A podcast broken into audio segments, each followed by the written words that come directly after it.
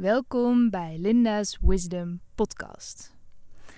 Deze episode ga ik je meenemen in hoe ik de afgelopen jaren ehm, heb geworsteld met mijn eigen hokje vinden, mijn eigen straatje vinden en hoe ik daar tegenwoordig mee omga. En het is iets geweest waar ik best wel lang zoekende naar ben geweest. Van nou, waar, waar hoor ik nou bij of waar pas ik nou tussen? En ik ben inmiddels tot de conclusie gekomen dat ik mezelf niet in een bepaald hokje kan proppen. En dat ik dat ook helemaal niet wil. Uh, en vorige week zei een vriend van me, die zei het echt super mooi. We hadden het hier helemaal niet over. Maar hij begon er automatisch over. En hij zei: Ja, Linda, jij past eigenlijk echt nergens tussen. en voor mij was dat een spijker op zijn kop. Want zo is het ook gewoon. En uh, ik denk eigenlijk dat heel veel mensen het zo ervaren. Maar dat heel veel mensen het niet zo laten zien naar de buitenwereld toe. En ja, om daar een klein voorbeeld van te noemen. Ik ben gewoon ontzettend breed geïnteresseerd. Ik heb brede interesses. Um, toen ik uh, nog een corporate baan had, toen vertelde ik echt om mijn werk echt niets over. Of niets, nou bijna niets heel gering vertelde ik over wat me bezig hield in mijn vrije tijd rondom het topic spiritualiteit. Omdat ik bang was wat men daarvan zou vinden, uh, dat ze het zweverig zouden vinden, dat het af zou doen aan mijn imago, et cetera. Dus zij kende mij als de corporate Linda. Terwijl als ik in mijn vrije tijd meer in die spirituele kant bezig was, dus bijvoorbeeld met trainingen, opleidingen, workshops, dan liet ik het deel van mezelf zien wat daar um, ja, sociaal geaccepteerd was. En schoof ik meer het, ja, het uh, praktische, het zakelijke, het, uh, het commerciële, de aardse Linda. die liet ik daar een beetje achterwege. Dus eigenlijk was ik nooit echt volledig ergens helemaal mezelf. En uh, nou, dat, dat, heb ik sowieso ook aan mezelf te danken, omdat ik mezelf daarin eigenlijk ook niet totaal omarmde. Dus ik zelf ook altijd dacht van nou dat ik op een bepaalde manier moest zijn of moest, mezelf moest gedragen om, uh, om iets te zijn of om ergens bij te horen. Maar het is echt de grootste bullshit ever. En ik zie het zoveel om me heen gebeuren. Mensen die eigenlijk ook maar 10% van zichzelf laten zien. Um, om bang te zijn, om anders afgewezen te worden, om er anders niet bij te horen of uh, nou ja, et cetera. Dus deels is het iets wat bij onszelf ligt. Dus als je jezelf volledig omarmt en accepteert hoe je bent, dan maakt het niet uit. En dan kun je jezelf overal 100% mee naartoe nemen in plaats van 10%. Maar uh, er ligt ook best wel een groot stuk bij communities en de ongeschreven regels die daar bestaan. Um, en dan wil ik nu eigenlijk met name even het, het bewustzijnswereldje en het spirituele wereldje onder de loep nemen, omdat ik daar best wel op ben afgeknapt. En met name um, om, op al de ongeschreven regels die daar zijn. Op, op hoe, hoe het hoort om spiritueel te zijn. En um, dat er stiekem ook best wel veel vooroordelen worden bevestigd daar. En weet je, als je daar, uh, als je daar net binnenkomt of net mee begint, dan valt het wel mee. Er zijn tegenwoordig echt heel veel mainstream yogascholen. Heel toegankelijk. Spiritualiteit is tegenwoordig ook hip. Weet je, als je tegenwoordig eh, als je kristallen koopt of kaarten. Nou, heel Instagram staat er, staat er bol van. Dus dat is wel steeds meer um, uit die spiriwiri hoek aan het komen. Maar als je iets dieper die scene induikt, ja, dan worden stereotypes gewoon bevestigd. En um, ik heb de fout gemaakt dat ik daardoor soms aan mezelf ben gaan twijfelen. En daarom maak ik deze podcast om je ervoor te behoeden dat jij dat niet gaat doen. En dat je helemaal oké bent zoals je bent. Zonder regels, labels, kaders, etc. Want um, het zegt echt, het heeft niks met bewustzijn en spiritualiteit te maken. Integendeel, het getuigt juist van, ja, onbewust gedrag. En om er een aantal voorbeelden van te noemen. Um, een van de dingen die ik meemaakte toen, uh, oh ja, toen was ik op mijn yoga nidra training in Florida. En toen vroeg uh, een van die deelnemsters aan mij. Zij was trouwens echt het perfecte spirituele plaatje van zoals we denken dat het hoort. Um, zij liepen op blote voeten rond, uh, droeg ecologische kleding. Um, ja, had de materiële wereld uh, bye-bye gezegd. Dus ze had, de wereld, ze had de wereld helemaal omgegooid, haar leven helemaal omgegooid. En ze was nu helemaal naar de, ja, de vrije, ecologische en bewuste maatstaven gaan leven. Zoals zij dacht dat het hoorde. Wat helemaal oké is, want iedereen heeft zijn eigen pad daarin. En er is ook geen goed of fout. En dat is dus precies waar het mij over gaat. Er is geen goed of fout. Dus prima als jij op blote voeten met een tulband om je hoofd ehm, en met kristallen door een bos om een kampvuur wil, uh, wil gaan dansen en zingen. Maar mijn ding is het niet. Maar het maakt je niet meer of minder bewust. En ik was met haar in gesprek en uh, ik had een leuk gesprek met haar. En toen op een gegeven moment, toen vroeg ze aan mij: Ja, maar uh, leef jij eigenlijk ook wel een beetje bewust? En toen dacht ik echt bij mezelf: Wat is dit voor een vraag? En ik betrapte mezelf er dus op dat ik mezelf een beetje ging verdedigen. Uh, terwijl, ja, hoezo verdedigen? En ik werkte destijds nog gewoon uh, op de zijtas. Um, nou, ik had niet het bewuste leventje in haar ogen. En ik merkte dat ik daardoor ook een beetje aan mezelf ging twijfelen. Van ja, uh, ben ik wel de real thing? Ben ik authentic? Um, maar ja, mensen. Echt de baan die je doet, de kleding die je draagt, de vrienden die je hebt, de leeftijd die je hebt. Het maakt echt allemaal helemaal niks uit. Het is totaal geen graadmeter voor bewustzijn. Bewustzijn is niet iets buiten jezelf. Het is niet wat je aan iemand kan aflezen. Het is echt iets binnen jezelf. Dat is waar het om gaat. Dus laat je absoluut niet, niet wijsmaken door de mensen die daar anders over denken. En wat mij betreft is een tegengeluid hierin echt heel hard nodig. En uh, zo'n tweede voorbeeld wat ik had, dat is eigenlijk ook wel een hele grappige. Toen was ik een maand uh, alleen op Bali.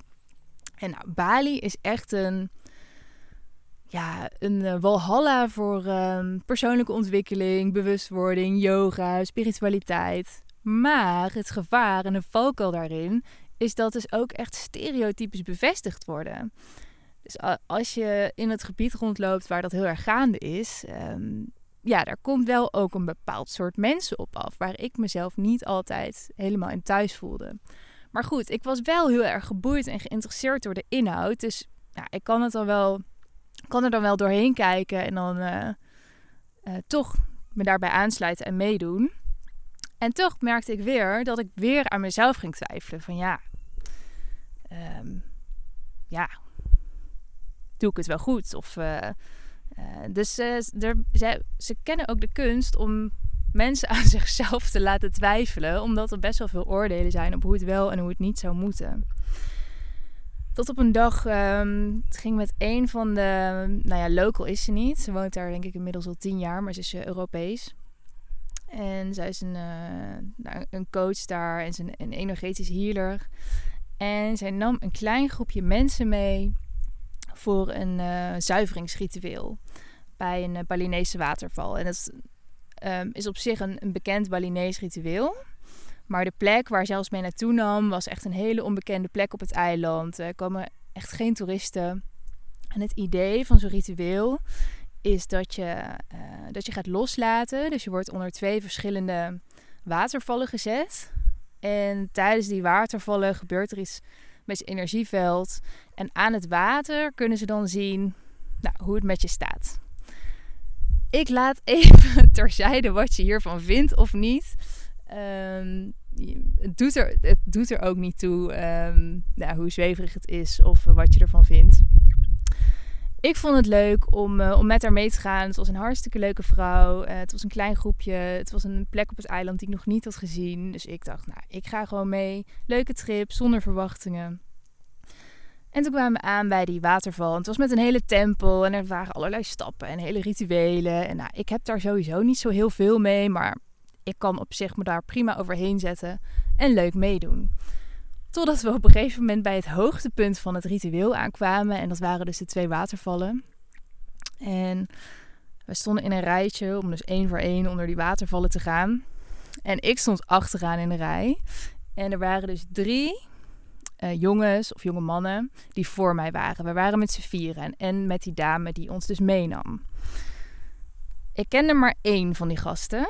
En die andere twee had ik daarvoor bij een, een gezamenlijke lunch ontmoet. En tijdens die lunch kreeg ik al helemaal de kriebels. In die community is het dus blijkbaar heel gebruikelijk dat je elkaar heel innig omhelst. Ook als je elkaar dus nog nooit hebt gezien. Nou, ik hou daar helemaal niet van. Ik heb geen moeite om iemand een knuffel te geven. Maar als ik iemand nog nooit heb ontmoet, niet ken, vind ik dat niet prettig. En ik merkte toch dat ik daar weer over mijn grenzen heen liet gaan. Dat ik daarin meeging. Terwijl ik me er super ongemakkelijk bij voelde. Maar blijkbaar hoort het zo. Nou, dus uh, tijdens die lunch uh, kwamen de wildste verhalen van deze gasten over hoe bewust ze wel niet waren en wat voor spirituele dingen ze wel niet gedaan hadden. En um, nou, zij zaten heel erg in de tantra scene en nou, ik zal de details je, besparen, maar uh, nou, ze, ze vonden zichzelf aardig wat. En um, door al deze verhalen en de een nog groter dan de ander, begon ik me weer best wel klein te voelen. Dat ik dacht, uh, shit, wat doe ik met deze mensen? Ik werk bij een bank en ik heb niet zo'n spectaculaire um, nou ja, ervaring of uh, dingen meegemaakt. Dus uh, ja, ik ben benieuwd wat de middag me gaat brengen dat ik met deze mensen op stap ga. Nou, bij de waterval aangekomen. Ik was dus de laatste die aan de beurt was. En ik had er niet zoveel verwachtingen van. Maar de eerste van deze heren, die ging onder de waterval staan. En die begon echt bijna over te geven. En ik dacht, wat krijgen we nou? Want ik denk, het is maar een waterval, weet je. Uh, what's happening? Maar ik kon wel echt aan hem zien dat hij niet in scène aan het zetten was. Dat hij niet aan het acteren was. Maar dat hij echt reageerde op wat er in dat moment gebeurde. Die werd echt helemaal niet goed. En uh, die moest echt uh, nou ja, terug uit het water begeleid worden. Omdat hij dus zo'n heftige reactie op dat loslaten had. De tweede, nou, dat ging ook echt niet lekker. Die begon echt te hoesten en te kuchen. En ik dacht ook echt dat er een of andere demon uit hem kwam of zo. Ik, ik wist echt niet wat ik meemaakte. En ondertussen zat mijn hart al in mijn keel. Dat ik dacht, oh mijn god, moet ik dadelijk ook onder die waterval gaan staan? What gonna happen? En um, nou, uiteindelijk was ik aan de beurt. En ik dacht echt, ja mijn god, wat gaan we hier in godsnaam doen? En die dame die het dus begeleidde, die um, tijdens het ritueel was zij het ook energetisch aan het begeleiden. Dus uh, nou, zij uh, leest dan je energieveld en ze weet wanneer het tijd is om onder die waterval uit te gaan, et cetera. Nou, toen was ik aan de beurt en ik moest onder die waterval. Nou, mijn hart zat in mijn keel. Ik dacht, nou, Linda, joh, stel je niet zo aan. Je gaat gewoon onder een waterval staan. maar ik had dus gezien wat er daarvoor met die andere mensen was gebeurd. En ik scheet echt in mijn broek. Uh, dus ik eronder. En nou, bij mij gebeurde, nou ik wil niet zeggen gebeurde er niks, maar bij mij was het helemaal niet heftig, maar het was echt gewoon pure bliss. Ik voelde me zo goed. Ik stond onder die waterval en ik voelde me zo gelukkig en ik wilde gewoon dansen en zingen en ik was gewoon helemaal happy. En um, ja, ik had eigenlijk helemaal niet van die zware shit om los te laten. Dus hup, ik onder de volgende waterval. En iedereen langs de kant stond ook echt te kijken van... Hé, hoe kan het nou dat zij er zo makkelijk vanaf komt? En ik kwam er ook onderuit. En toen zei die vrouw ook, die het aan het begeleiden was... van, oh, you have such a pure and light energy. En um, nou, dat was voor mij echt weer zo'n eye-opener en verademing... dat ik dacht van, zie je, het gaat helemaal niet over de vorm en wat je doet... En wat je allemaal gedaan hebt en hoe oud je bent. En het is allemaal bullshit. Het gaat gewoon over hoe puur jij jezelf bent. Hoe trouw je aan jezelf bent. En het, ja, het maakt gewoon echt niet uit in welke vorm dat is. En ik heb mezelf daar dus veel te vaak in laten afleiden of uh, daaraan getwijfeld. En ik ben ook, nou, ik ben hier al jaren, um, ben ik hier ingedoken. En ik ben ook heel vaak de jongste geweest. Dus ik werd ook heel vaak een beetje als de Benjamin gezien. Maar ook leeftijd zegt echt helemaal niks. Dus, lieve mensen, de boodschap die ik voor je heb is: blijf trouw aan jezelf. Laat je niet gek maken door de bullshit, de ongeschreven regels, uh, de wat het betekent om spiritueel te zijn, hoe het hoort. Het maakt echt geen zak uit Je mag het doen op jouw manier, hoe jij het wil, waar jij zin in hebt. En dat is pas echt power. Als je de power hebt om bij jezelf te blijven en jouw unieke eigen pad te lopen, ongeacht wat een ander daarvan vindt. Nou, dit was een mooie afsluiting. Dus ik uh, hoor graag wat je ervan vindt. Ik vind het altijd leuk om berichtjes, DM's te krijgen. Ik vind het ook leuk als je op Instagram deelt als je naar de podcast luistert in je story. Ik uh, beantwoord al mijn berichtjes en nou, sterren op iTunes zijn ook altijd welkom. Ciao voor nu en tot snel.